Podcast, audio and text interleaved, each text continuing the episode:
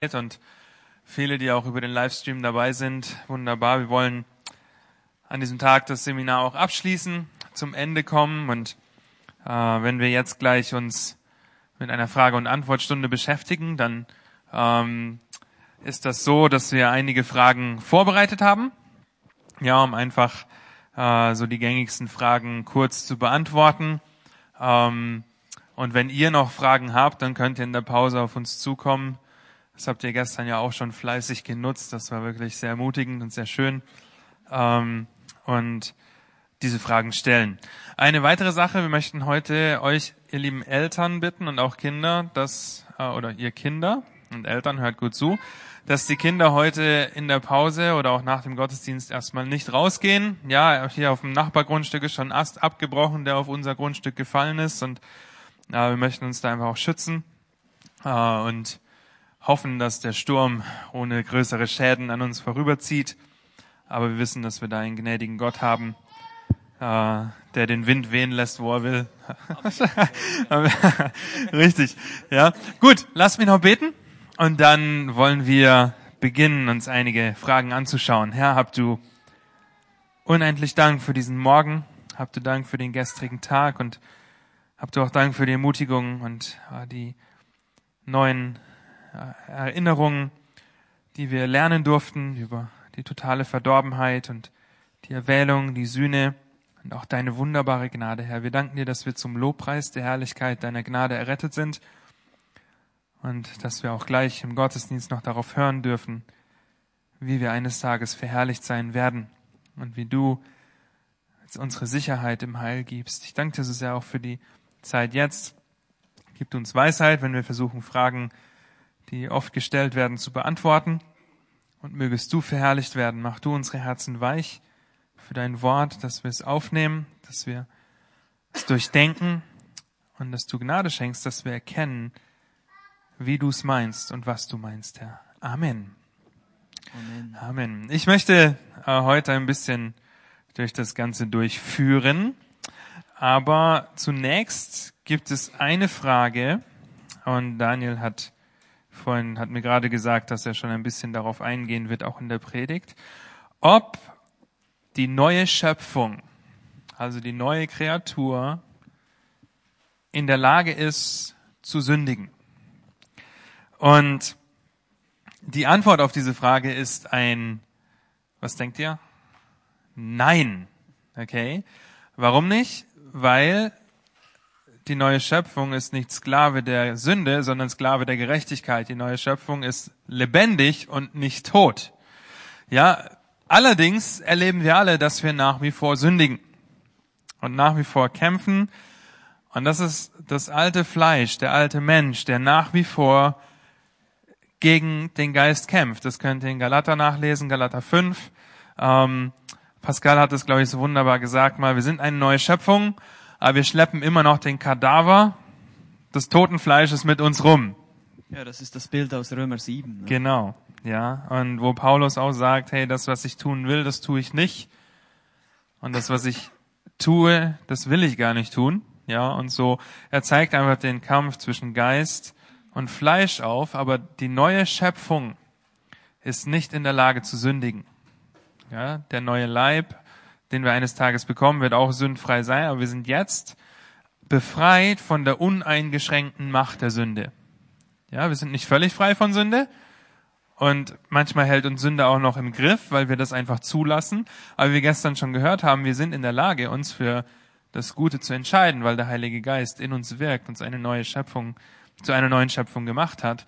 Und deshalb, die neue Schöpfung kann nicht sündigen, aber die äh, alte Schöpfung, die alte Natur kämpft gegen die neue Schöpfung, gegen die neue Natur. Und so äh, entsteht es, dass wir nach wie vor sündigen, weil wir in einer gefallenen, sündigen Welt leben.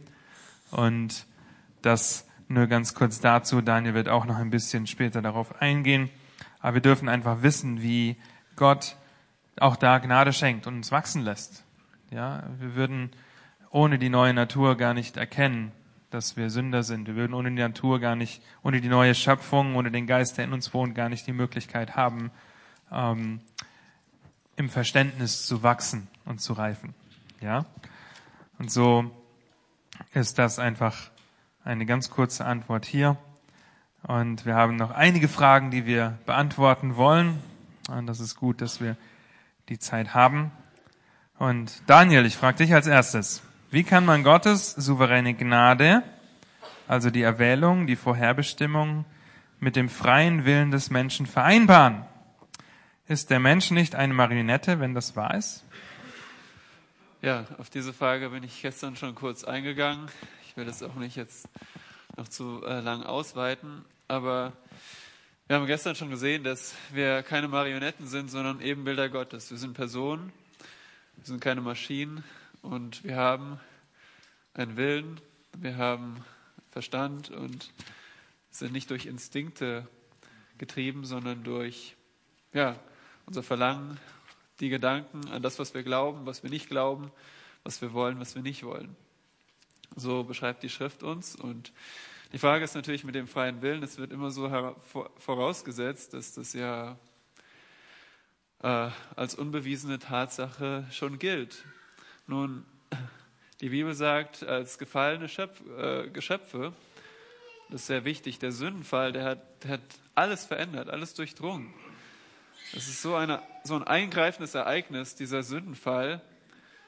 Vorher war alles sehr gut und jetzt leben wir in einer gefallenen Schöpfung.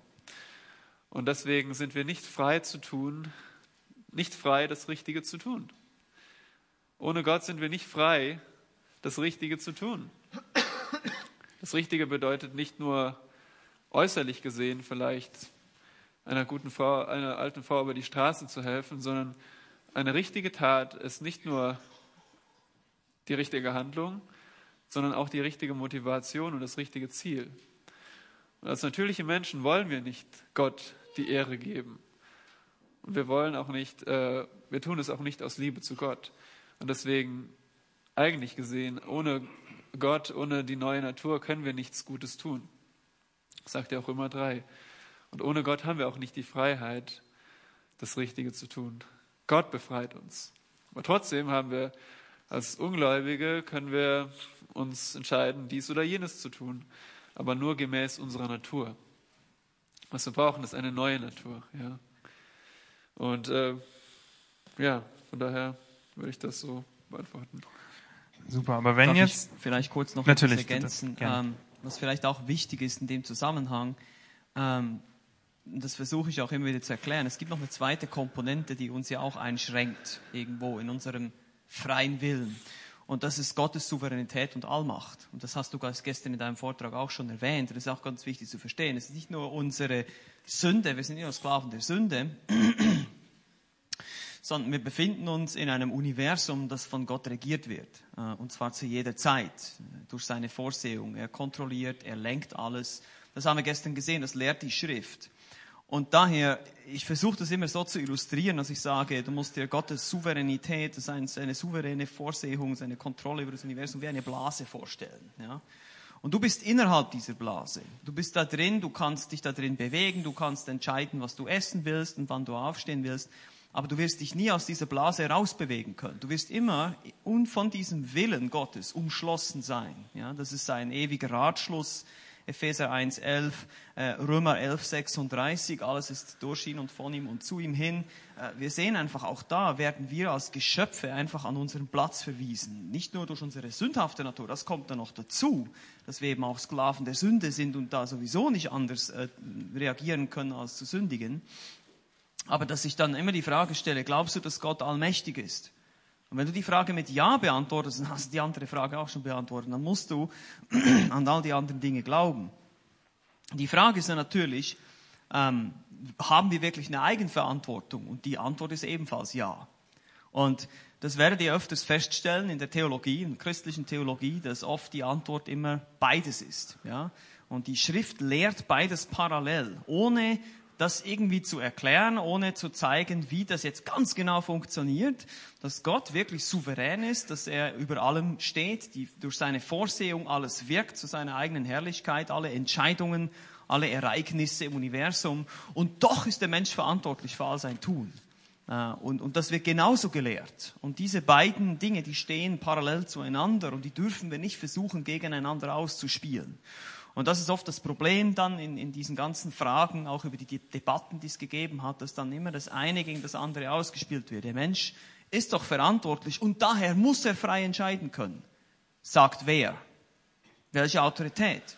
Und, und wir müssen immer wieder zur Schrift gehen und sagen, die Schrift sagt das nicht, dass diese absolute Freiheit nötig ist, damit der Mensch verantwortlich ist. Und das sind einfach Dinge, die wir erst durchdenken müssen und wo wir einfach von unserer eigenen Perspektive, von unserer eigenen menschlichen Perspektive wegkommen müssen und verstehen müssen, was die Bibel lehrt darüber. Ja. Äh, Vielleicht äh, noch ein Vers anzuschließen hier in 2. Korinther, das ist ganz interessant, 2. Korinther Kapitel 8, äh, die Verse 16 und 17 sehen wir diese beiden Dinge nebeneinander im Wechselspiel.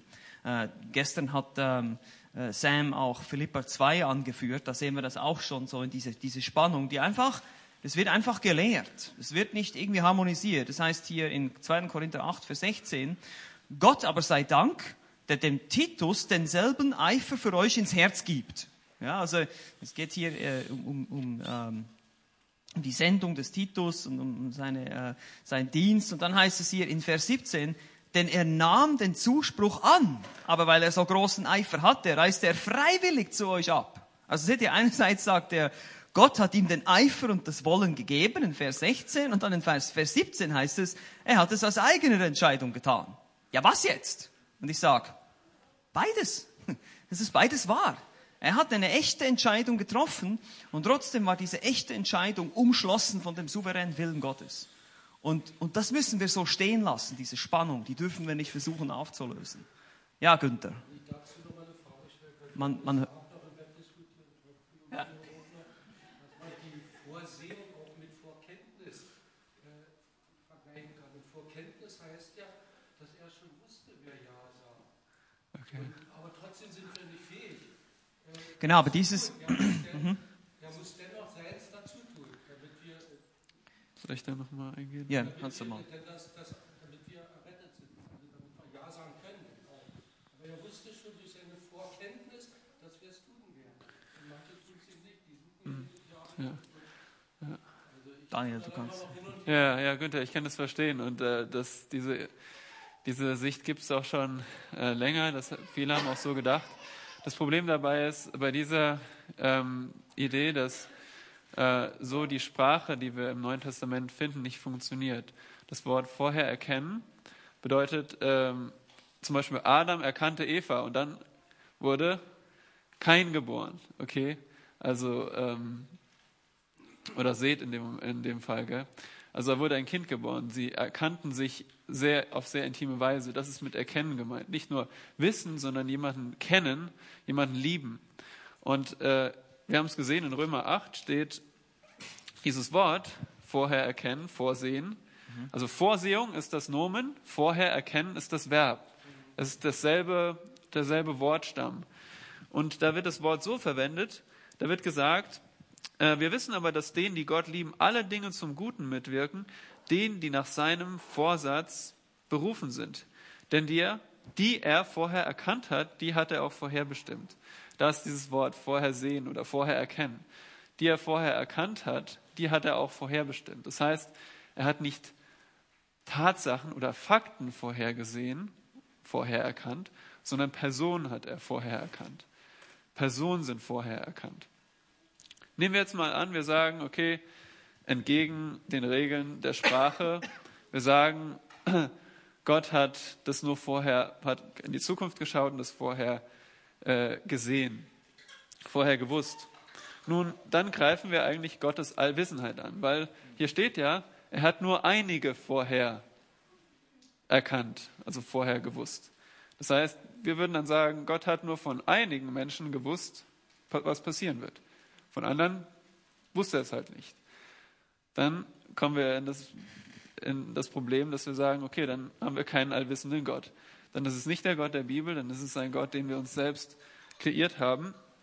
Und außerdem wird das Wort auch in 1. Petrus 1, Vers 20 verwendet. Dasselbe Wort vorher ähm, sehen oder vorher erkennen. Da heißt es ähm, über Christus, über Christus, der ein Lamm ohne Fehler und ohne Flecken ist. Er ist zwar im Voraus vor Grundlegung der Welt erkannt, aber am Ende der Zeiten geoffenbart worden um, worden um euretwillen. Das heißt, wenn wir das jetzt so verstehen mit, dass er das voraus gesehen hat und vorher gewusst hat, sagen wir, okay, Gott hat einfach vorher gewusst, dass Christus sterben würde. Aber das ergibt keinen Sinn, weil Gott hat es selbst so bestimmt. Also hier sehen wir schon, dass, ähm, dass das Wort bedeutet, vorher erkennen im Sinne von, äh, dass er die, vorher diese äh, Beziehung beabsichtigt hat und nicht allein Fakten. Ich meine, so, äh, wir sprechen auch nicht so. Wir sagen nicht, okay, ich habe vorhergesehen, dass ich heute Nudeln koche, dann habe ich mich dazu entschlossen. Nein, in dem Moment, wo ich es vorher weiß, habe ich es auch schon bestimmt, oder? Weißt du, was du heute zum Mittag kochst? Vielleicht braten, okay? In dem Moment, wo du es weißt, hast du es bestimmt, oder? Vielleicht kommt noch eine, wir sind nicht Gott, also bei uns kommt vielleicht noch was dazwischen. Aber wenn Gott vorher es weiß, dann hat er es auch gleichzeitig vorher bestimmt.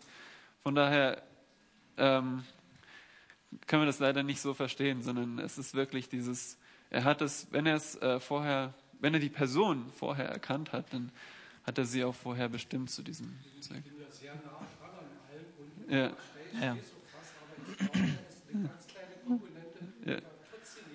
Ja.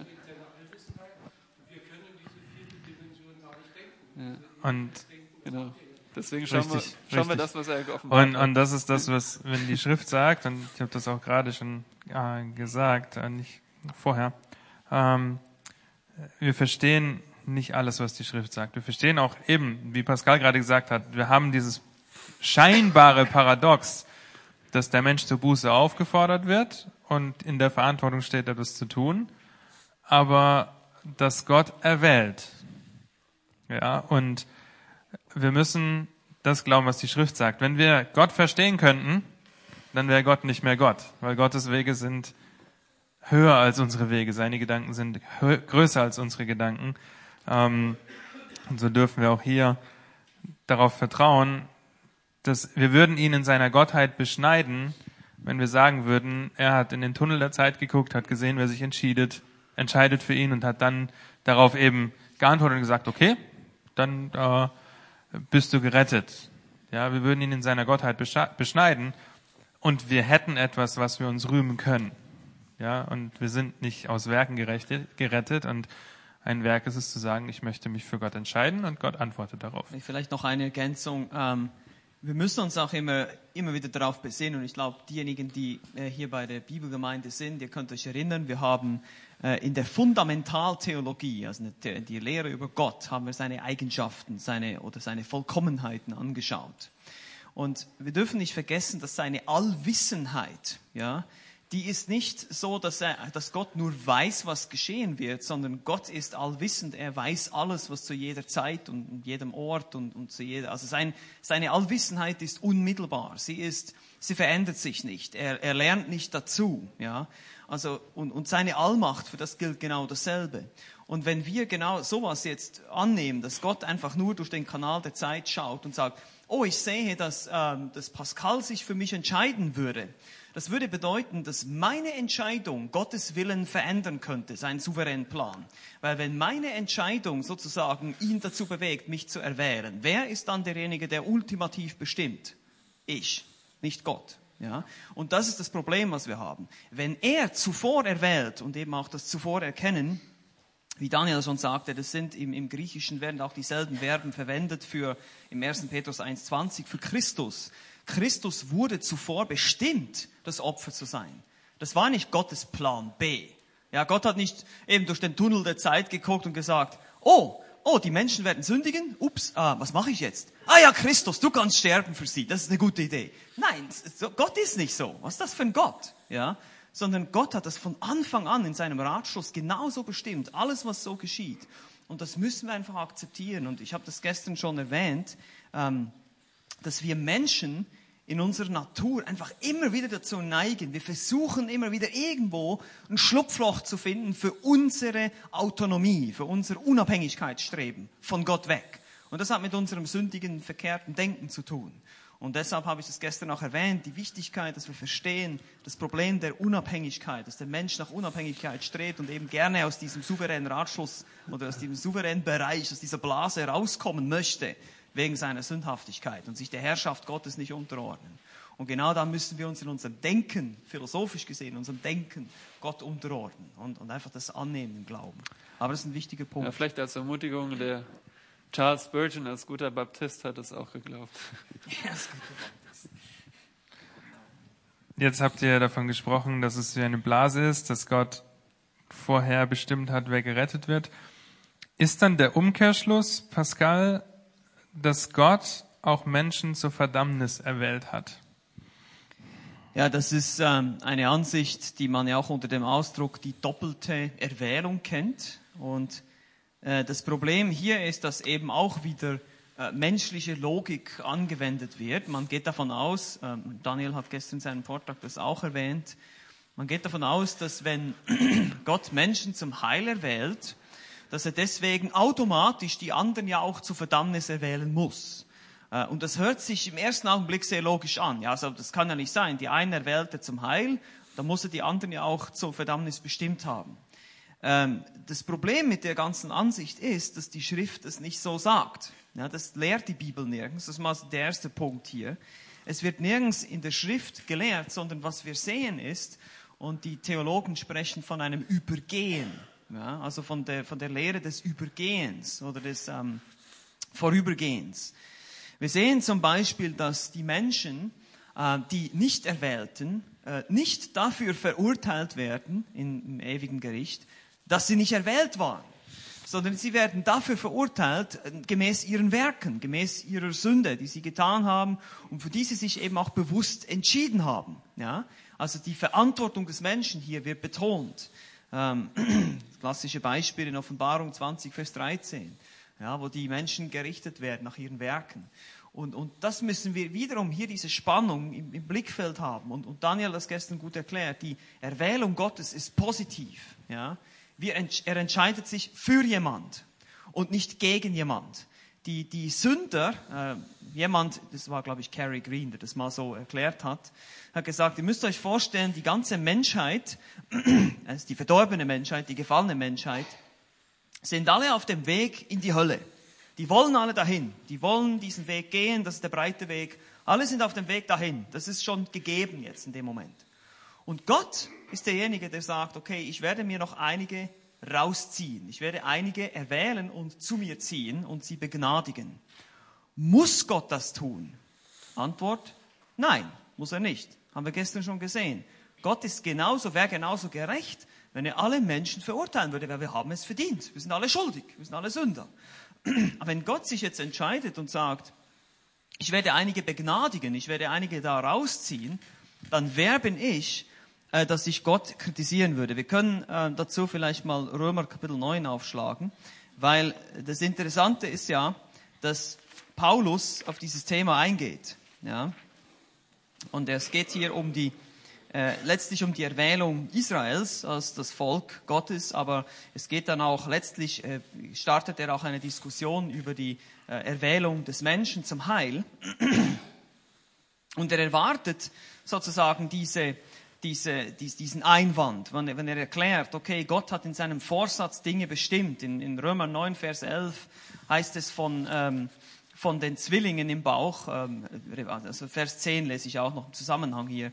Und nicht allein dies, sondern auch als Rebekka von einem und denselben von unserem Vater Isaac schwanger war, als die Kinder noch nicht geboren waren und weder Gutes noch Böses getan haben, damit der gemäß der Auserwählung gefasste Vorsatz Gottes bestehen bleibe, nicht aufgrund von Werken, sondern aufgrund des Berufenden, wurde zu ihr gesagt, der Ältere wird dem Jüngeren dienen, wie auch geschrieben steht, Jakob habe ich geliebt und Esau habe ich gehasst. Also hier sehen wir eine ganz klare Aussage, dass Gott sich schon entschieden hat, wer äh, der Bevorzugte sein wird. Jakob in dem Fall wer die verheißene Linie weitertragen wird.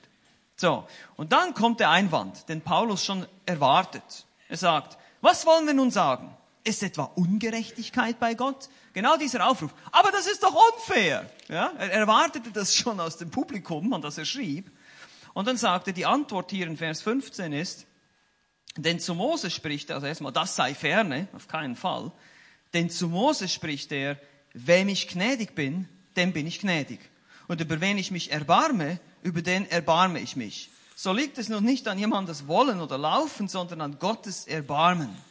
Also, Paulus sagt einfach, Gott kann doch gnädig sein, wem er will. Er ist doch nicht verpflichtet, jemanden zu begnadigen, sondern er kann das tun. Wenn er das möchte, muss er aber nicht. Dann Vers 17. Denn die Schrift sagt zum Pharao, eben dazu habe ich dich aufstehen lassen, dass ich an dir meine Macht erweise, dass mein Name verkündigt werde auf der Erde. So erbarmt er sich nun über, wenn er will, und verstockt, wenn er will. Und nun wirst du mich fragen.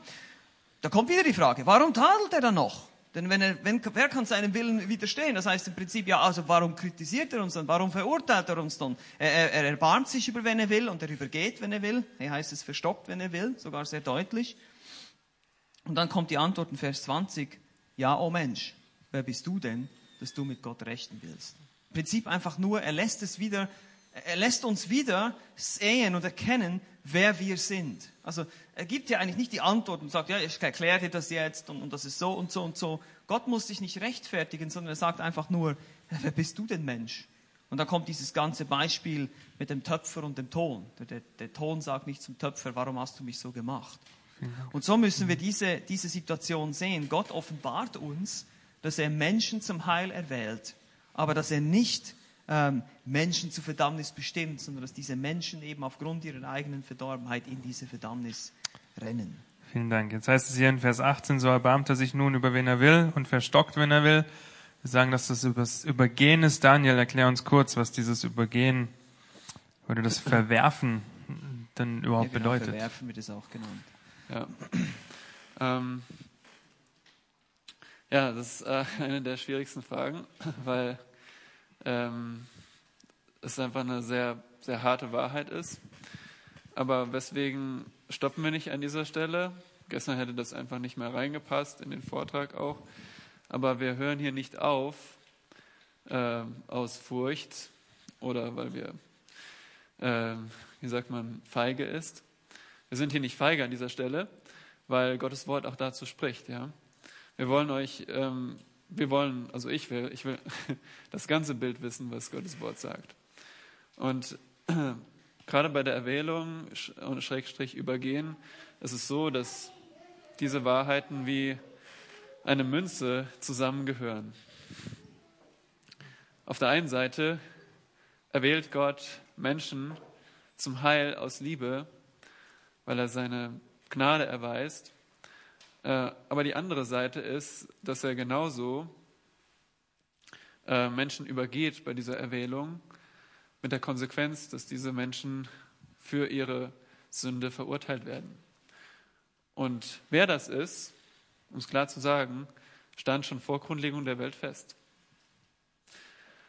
Aber auf der anderen Seite sind diese beiden Seiten nicht gleich. Wie, äh, bei einer Münze hast du auf der einen Seite vielleicht den einen Euro, auf der anderen Seite den Adler. Diese beiden Seiten sind nicht identisch, wenn man sie anschaut. Und so ist es auch mit der Erwählung. Bei der Erwählung äh, sieht Gott schon die Menschheit als äh, gefallen und er entschließt sich aus Liebe, einige zu retten. Wir können es nicht verstehen. Warum? Es liegt nicht an uns, bedingungslos. Und dann wirkt Gott in dem Herzen der Menschen. Wir haben es gesehen. Er zieht sie er überführt sie von Sünde und letztendlich schenkt er die neue Geburt. Und sie glauben. Bei dem Übergehen ist es so, dass diese Entscheidung genauso bedingungslos passiert. Weil, wie gesagt, es steht schon vor Grundlegung der Welt fest. Aber es ist nicht aufgrund von etwas in dem Menschen, es ist einfach sein Ratschluss. Und Gott muss aber nicht den Unglauben im Herzen wirken. Das wäre dieses Missverständnis, dass Gott genauso wirkt wie bei der Erwählung. Nein, er wirkt nicht, er pflanzt nicht den Unglauben ins Herzen und er wirkt nicht auf dieselbe Weise. Auch ist es nicht so, dass irgendein Mensch errettet werden will und um die Rettung fleht und Gott sagt, nein, du bist nicht bestimmt. Keiner, der errettet werden will, kann nicht kommen und bei Christus Heil finden. Ähm, und so um das zu definieren, was dieses Übergehen bedeutet, oder diese Lehre der Verwerfung, es ist ebenso Gottes freie und souveräne Wahl in der Ewigkeit, bestimmte Menschen mit der rettenden Liebe zu übergehen, passiv, und stattdessen sich aktiv zu entschließen, sie für ihre Sünden zu strafen. Und das seht ihr zum Beispiel hier in Römer 9, ähm, wo uns in Vers 22 heißt, wenn aber Gott willens, seinen Zorn zu erweisen und seine Macht zu erkennen, zu geben, mit vieler Langmut die Gefäße des Zorns ertragen hat, die zum Verderben zubereitet sind, und wenn er handelte, damit er den Reichtum seiner Herrlichkeit an den Gefäßen des Erbarmens zu erkennen gebe, die er zur Herrlichkeit vorherbereitet hat, nämlich an uns, die er auch berufen hat, nicht allein aus den Juden, sondern auch aus den Nationen. Hier seht ihr, da sind Gefäße des Zorns zum Verderben zubereitet. Nun, wer ist hier der Akt, der Handelnde? Es ist Gott.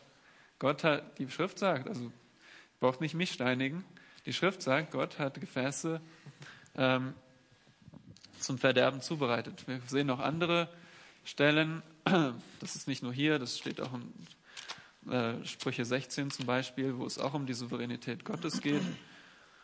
Ähm, da steht zum Beispiel der Vers, Vers 4, alles hat der Herr zu seinem Zweck gemacht, so auch den Gottlosen für den Tag des Unglücks.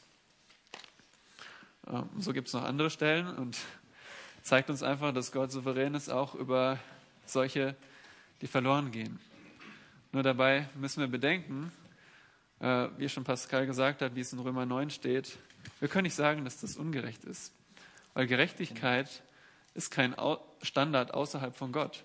Was immer Gott tut, ist gerecht. Was immer er entscheidet, ist richtig. Er ist Gott. Das ist äh, unsere Definition von Gott. Äh, Gott entschließt sich dazu. Aber es hat auch jemand mal bemerkt, dass ähm, Gott keinen Gefallen daran hat, ähm, Sünder zu verwerfen.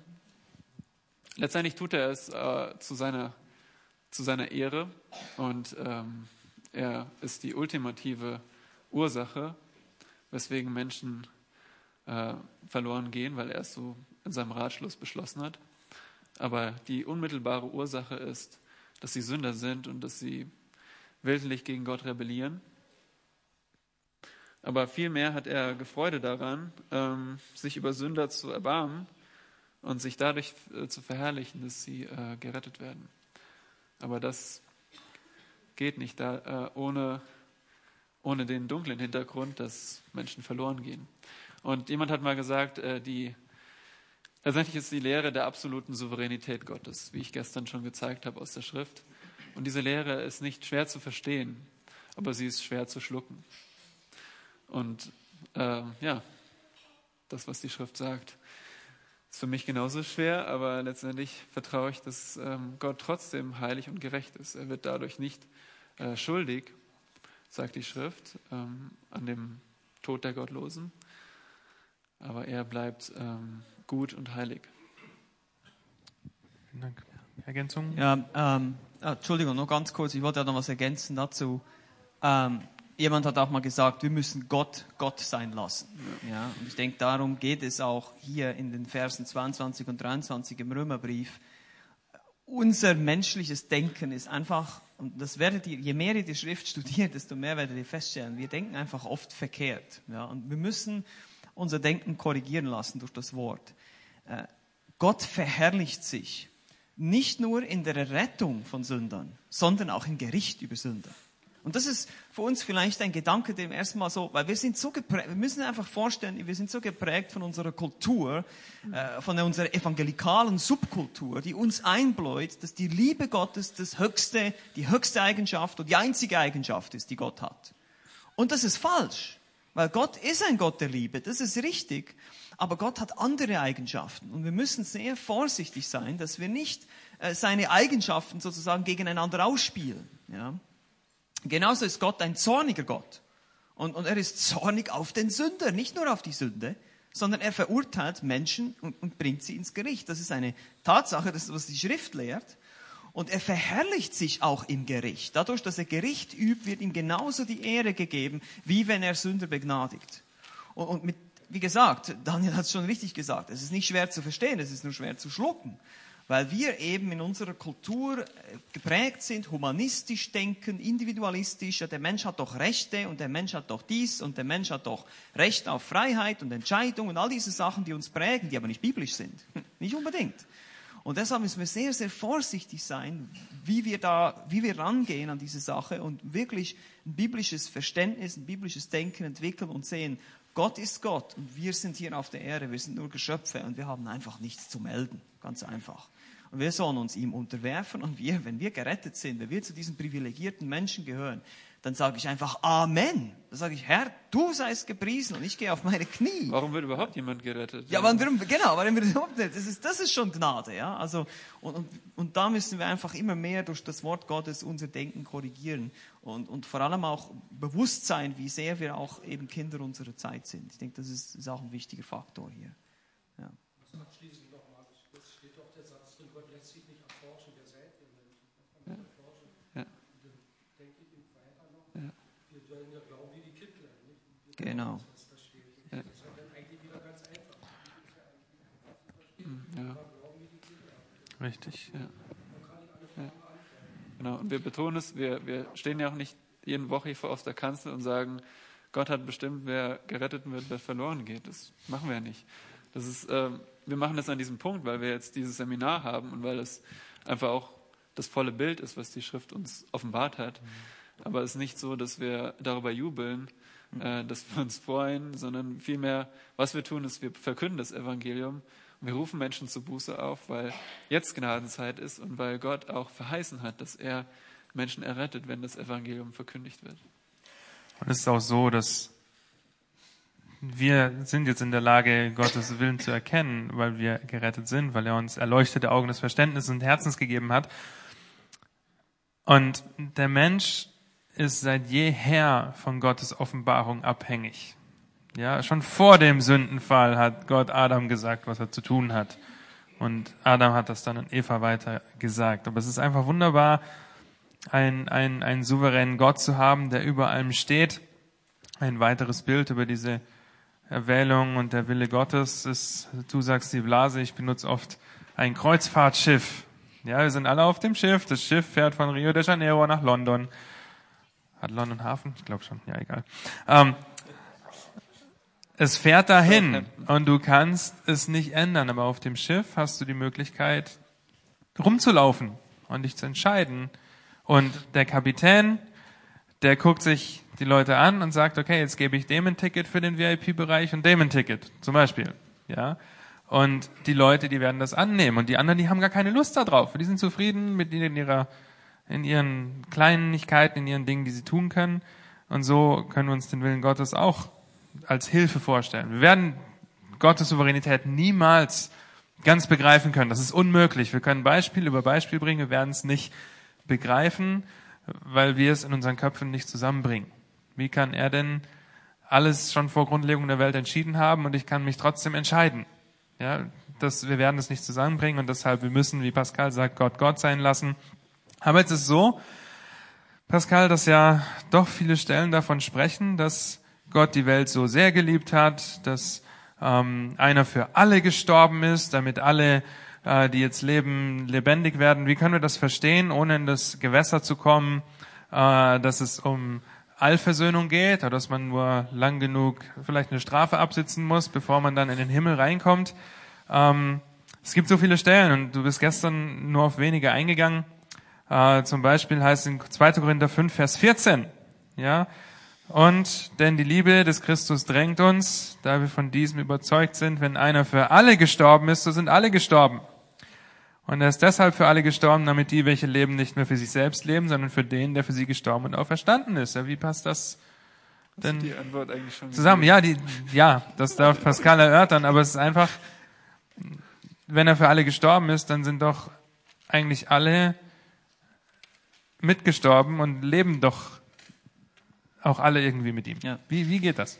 Also ähm, das geht ja jetzt mehr so in die Thematik hinein, auch ähm, auf, das, auf das wirksame Sühneopfer, was wir gestern Nachmittag angeguckt haben, aber natürlich auch letztlich auf die ganze, wiederum es wieder zurückzuführen auf den ganzen Ratschluss Gottes. Ähm, und wie können wir diese Stellen vereinbaren. Ich habe das gestern schon so ein bisschen anklingen lassen, dass es dass wir immer, in, der Schriftauslegung gibt es bestimmte Prinzipien. Wir müssen ähm, zum Beispiel immer die klaren Stellen mit den weniger klaren oder generellen Stellen auslegen. Wir müssen die Stellen nehmen, die ganz klar sprechen und die dann, die dann, die helfen uns dann, die anderen zu interpretieren, die bestimmte Dinge, bestimmte Widersprüche zu lehren scheinen. Ja, und so gibt es ja auch andere Spannungsfelder in der Bibel, äh, wo wir manchmal denken, aber lehrt die Schrift nicht das? Und eben zum Beispiel heißt es in Johannes 3,16, Gott hat die Welt geliebt und in 1. Johannes 2,15 heißt es, liebt nicht die Welt. Ja, was jetzt? Ja, also da, da gibt's auch, gibt's scheinbare Widersprüche und oft, sehr, sehr oft, ähm, das habe ich auch im Seminary gelernt, es gibt die drei wichtigsten Regeln für Schriftauslegung. Ist erstens Kontext, zweitens Kontext, drittens Kontext. Okay? Das müsst ihr euch merken. So. Jetzt guckt euch diesen Vers mal an. 2. Korinther 5, 14. Ne? Hier heißt es, denn die Liebe des Christus drängt uns, da wir von diesem überzeugt sind. Also von wem spricht Paulus hier? Uns. Spricht er von den Gläubigen oder von den Ungläubigen? Gläubigen, ja, uns, ja, die wir glauben. Es ist an, Gläubige geschrieben und er spricht von Gläubigen. Wenn einer für alle gestorben ist, so sind sie alle gestorben. Wer ist alle hier? Alle Menschen auf der ganzen Welt oder nur die Gläubigen? Weil wenn ihr dann weiterlest, Vers 15, und er ist deshalb für alle gestorben, damit die, welche leben, nicht mehr für sich selbst leben, sondern für den, der für sie gestorben und auferstanden ist. Also er spricht hier im Kontext, Vers 15, sind die, diese alle, das sind die, die nicht mehr für sich selbst leben, sondern für den, der für sie gestorben und auferstanden ist. Das sind Gläubige, das sind Christen hier. Also, und, und das habe ich euch gestern gesagt, dieses alle, das muss immer qualifiziert werden, ja, wie diesem anderen Vers. Und es heißt, gestern, gestern hat das auch jemand gesagt. Ja, genau, Lukas, ne, war das Lukas Noah oder Daniel Sia, einer von beiden. Genau, Daniel Sia ist nochmal in die Gemeinde reingekommen und hat gesagt, ich will noch allen Tschüss sagen. Meint er damit alle Menschen auf der ganzen Welt? Natürlich nicht, sondern er meinte alle hier in der Gemeinde. Und, deshalb alle muss immer vom Kontext her qualifiziert werden. Ja? Und das ist, das ist hier zum Beispiel der Fall in, in 2. Korinther 5, 14. Und wir könnten dann auch noch andere Stellen anführen. Ähm, zum Beispiel könnt ihr mal ähm, Hebräer, ich habe hier noch Hebräer 2,9. Ähm, äh, wo ist denn der Hebräerbrief? Ah, hier. bin auch schon müde hier. Ja. Hebräer 2,9. Ähm, hier steht auch, wir sehen aber, dass Jesus, der ein wenig niedriger gewesen ist als die Engel, wegen des Todesleidens mit Herrlichkeit und Ehre gekrönt, er sollte ja durch Gottes Gnade für alle den Tod schmecken. Okay, da denkt man auch, okay, für alle. Er ist jetzt für alle gestorben. Dann heißt es in Vers 10, denn es war dem angemessen, um dessen Willen alles ist und durch den alles ist, da er für viele Söhne zur Herrlichkeit führte, den Urheber ihres Heils durch Leiden zu vollenden. Also auch hier, wenn man den Vers 10 betrachtet, sehen wir, dass die, dass die alle sind die vielen Söhne, die zur Herrlichkeit geführt werden. Und so müssen wir einfach immer wieder zum Kontext zurückgreifen. dasselbe gilt auch für die Weltstellen, ja, die alle Stellen und die Weltstellen. Ähm, zum Beispiel, äh, ich nehme mal, ich mal 1. Johannes 2, Vers 2. Es gibt, es gibt natürlich einige Stellen hier, wir können noch lange nicht auf alle eingehen. Ich habe hier eine ausführliche Liste, also wer möchte, ich kann euch die mal schicken, dann könnt ihr das mal alles selber äh, durchlesen. Aber 1. Johannes 2, Vers 2, äh, ist eine ganz bekannte, ähm, den habe ich auch schon ausgelegt, den 1. Johannesbrief.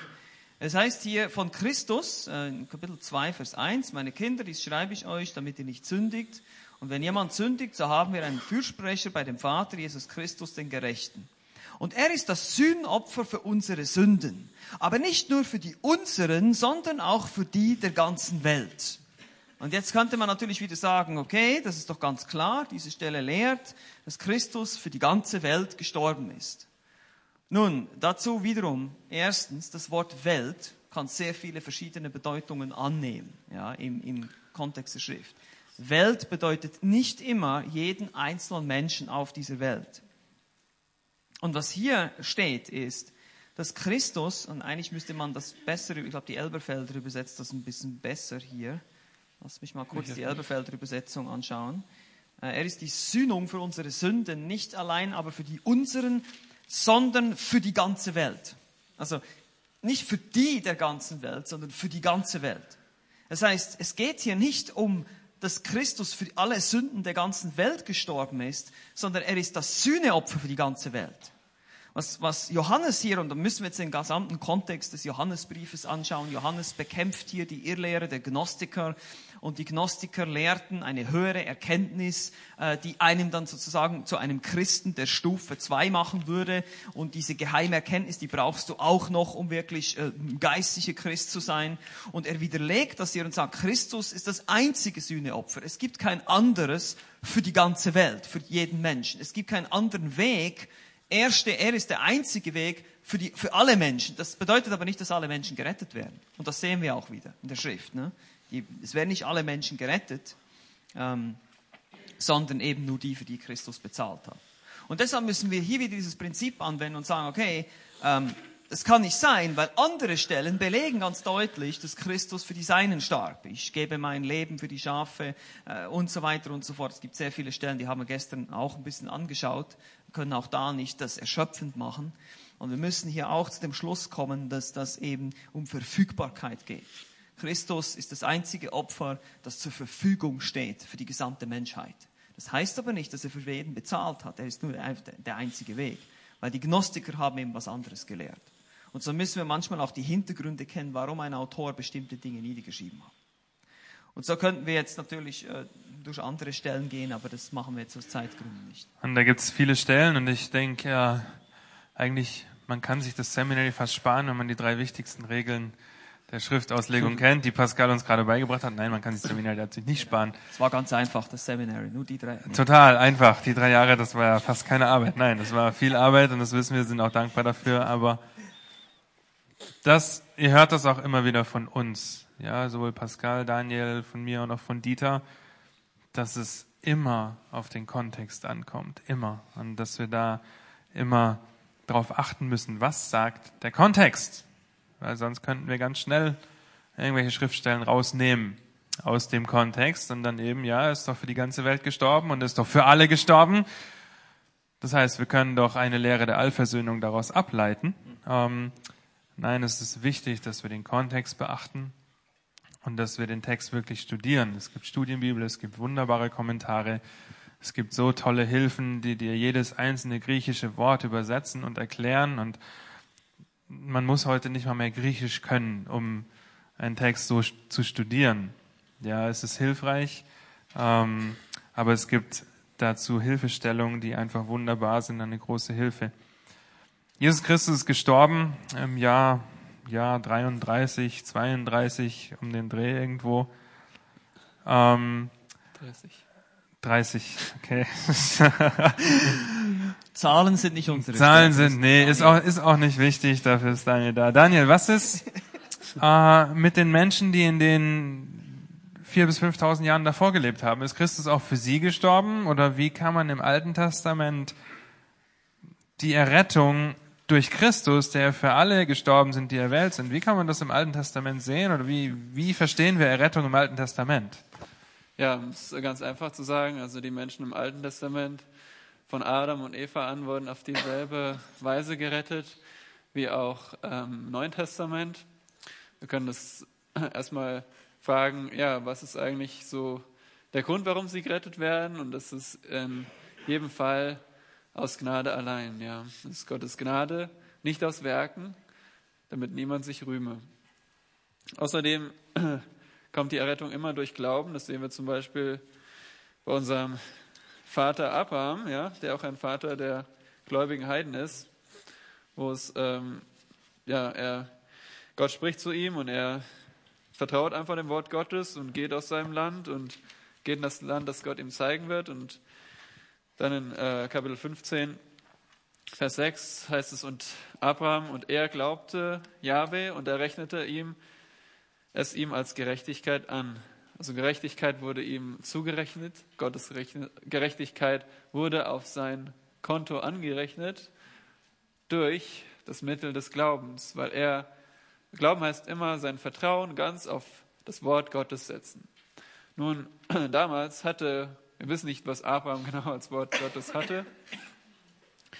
Aber auf jeden Fall hat er nicht die Bibel, die wir jetzt haben, weil die wurde nämlich im Laufe der Geschichte offenbart.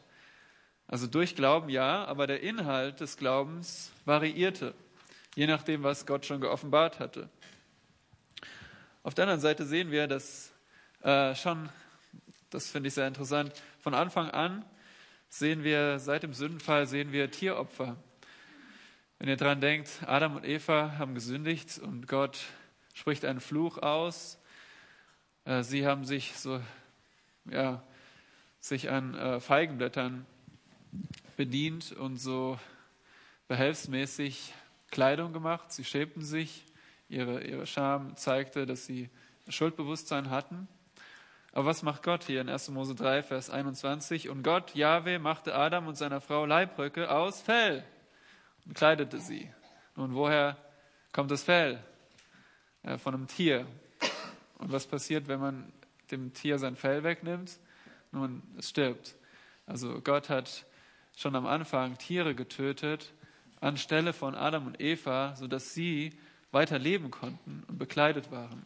Dann sehen wir bei Kain und Abel, sie opfern und Gott sagt, Gott, äh, wir wissen, dass, dass Kains Opfer nicht angenommen wurde. Und hier steht nämlich in Vers äh, 4, dass Jahwe blickte auf Abel und auf seine Opfergabe. Ich finde es sehr interessant, dass hier ein Und steht. Er blickte auf Abel und auf seine Opfergabe, aber auf Kain und auf seine Opfergabe blickte er nicht. Auf Kain und seine Opfergabe. Die Person, er blickte auf die Person, auf ihre Herzenshaltung, ja, aber das war nicht der einzige Grund. Er blickte auch auf die Opfergabe. Nicht nur war Kains Herz nicht richtig, sondern auch seine Opfergabe war nicht richtig, weil er opferte kein Tier in dem Moment, sondern von den Früchten seines Feldes. Gott wollte ein Tieropfer. Und so sehen wir das durch äh, das Alte Testament hindurch, dass Gott dem Volk zeigt, dass, weil sie sündig sind, ein Tier sterben muss. Und so wird mehr und mehr geoffenbart, dass es ein vollkommenes Opfer gibt in Jesus Christus. Wussten Sie, dass der Name Jesus ist? Nein, aber auch äh, Gläubige im Alten Testament wurden gerettet auf der Basis des Opfers Jesu Christi. Vorausschauend, während wir gerettet werden, zurückschauend. Und so ist das Opfer, das Sühnopfer Christi der einzige Grund, ja, warum wir Vergebung für unsere Sünden haben können. Im Alten Testament wie im Neuen Testament. Das ist auch das, was Hebräer 1 sagt, äh, Hebräer 11, Vers 1 sagt, ja, wie das sein kann, wo wir diese Glaubenshelden finden, die alle errettet sind. Hebräer 11, Vers 1, da heißt es, es ist aber der Glaube, eine feste Zuversicht auf das, was man hofft. Also hoffentlich regnet es nicht, ja, morgen oder so. Nein, das ist damit nicht gemeint, ja, auf das, was man hofft. Eine Überzeugung von was? Von Annahmen, von Vermutungen? Nein, von Tatsachen, okay, von Dingen, die tatsächlich da sind. Der Glaube ist eine Hoffnung, eine Überzeugung von Tatsachen, die man nicht sieht. Durch diesen haben die Alten ein gutes Zeugnis erhalten. Durch Glauben verstehen wir, dass die Welten durch Gottes Wort bereitet worden sind, sodass die Dinge, die man sieht, nicht aus dem Sichtbaren entstanden sind. Und das ist wunderbar, wie du das auch gesagt hast, Daniel, dass von Anfang an Tieropfer da waren. Und gleich in 1. Mose 3, Vers 15 äh, sagt Gott auch, dass die Schlange wird dem Knecht ja, in die Ferse stechen, aber der, der Same, richtig, äh, er wird der Schlange den Kopf zertreten. Und das, da haben sich die Leute dran geklammert. Irgendwann wird der Schlange der Kopf zertreten. Ja, und das ist am Kreuz geschehen. Und wenn ihr den Hebräerbrief durchlest, dann könnt ihr sehen, dass Christus besser ist als die ganzen Opfer, die da gebracht wurden, die ganzen Gesetze, die im Alten Testament gefunden werden, was die Priester tun sollten. Er ist das bessere Opfer, er ist der bessere hohe Priester. Äh, er ist derjenige, der den Schatten auf diese Opfer wirft. Ja, die Opfer sind nur ein Schatten von dem, was kommt. Und daran haben sich die Gläubigen im Alten Testament geklammert und darauf haben sie vertraut. Und es wurde ja auch ähm, eine Wiedergeburt oder eine Beschneidung des Herzens ja. bereits vorausgesagt im Alten Testament. Zum Beispiel 5. Mose 30 war es, ja. glaube ich, wenn ich mich richtig erinnere. Äh, oder auch Daniel hat es gestern auch erwähnt, der neue Bund in Jeremia 31, äh, in Hesekiel äh, 36 ist das auch, genau.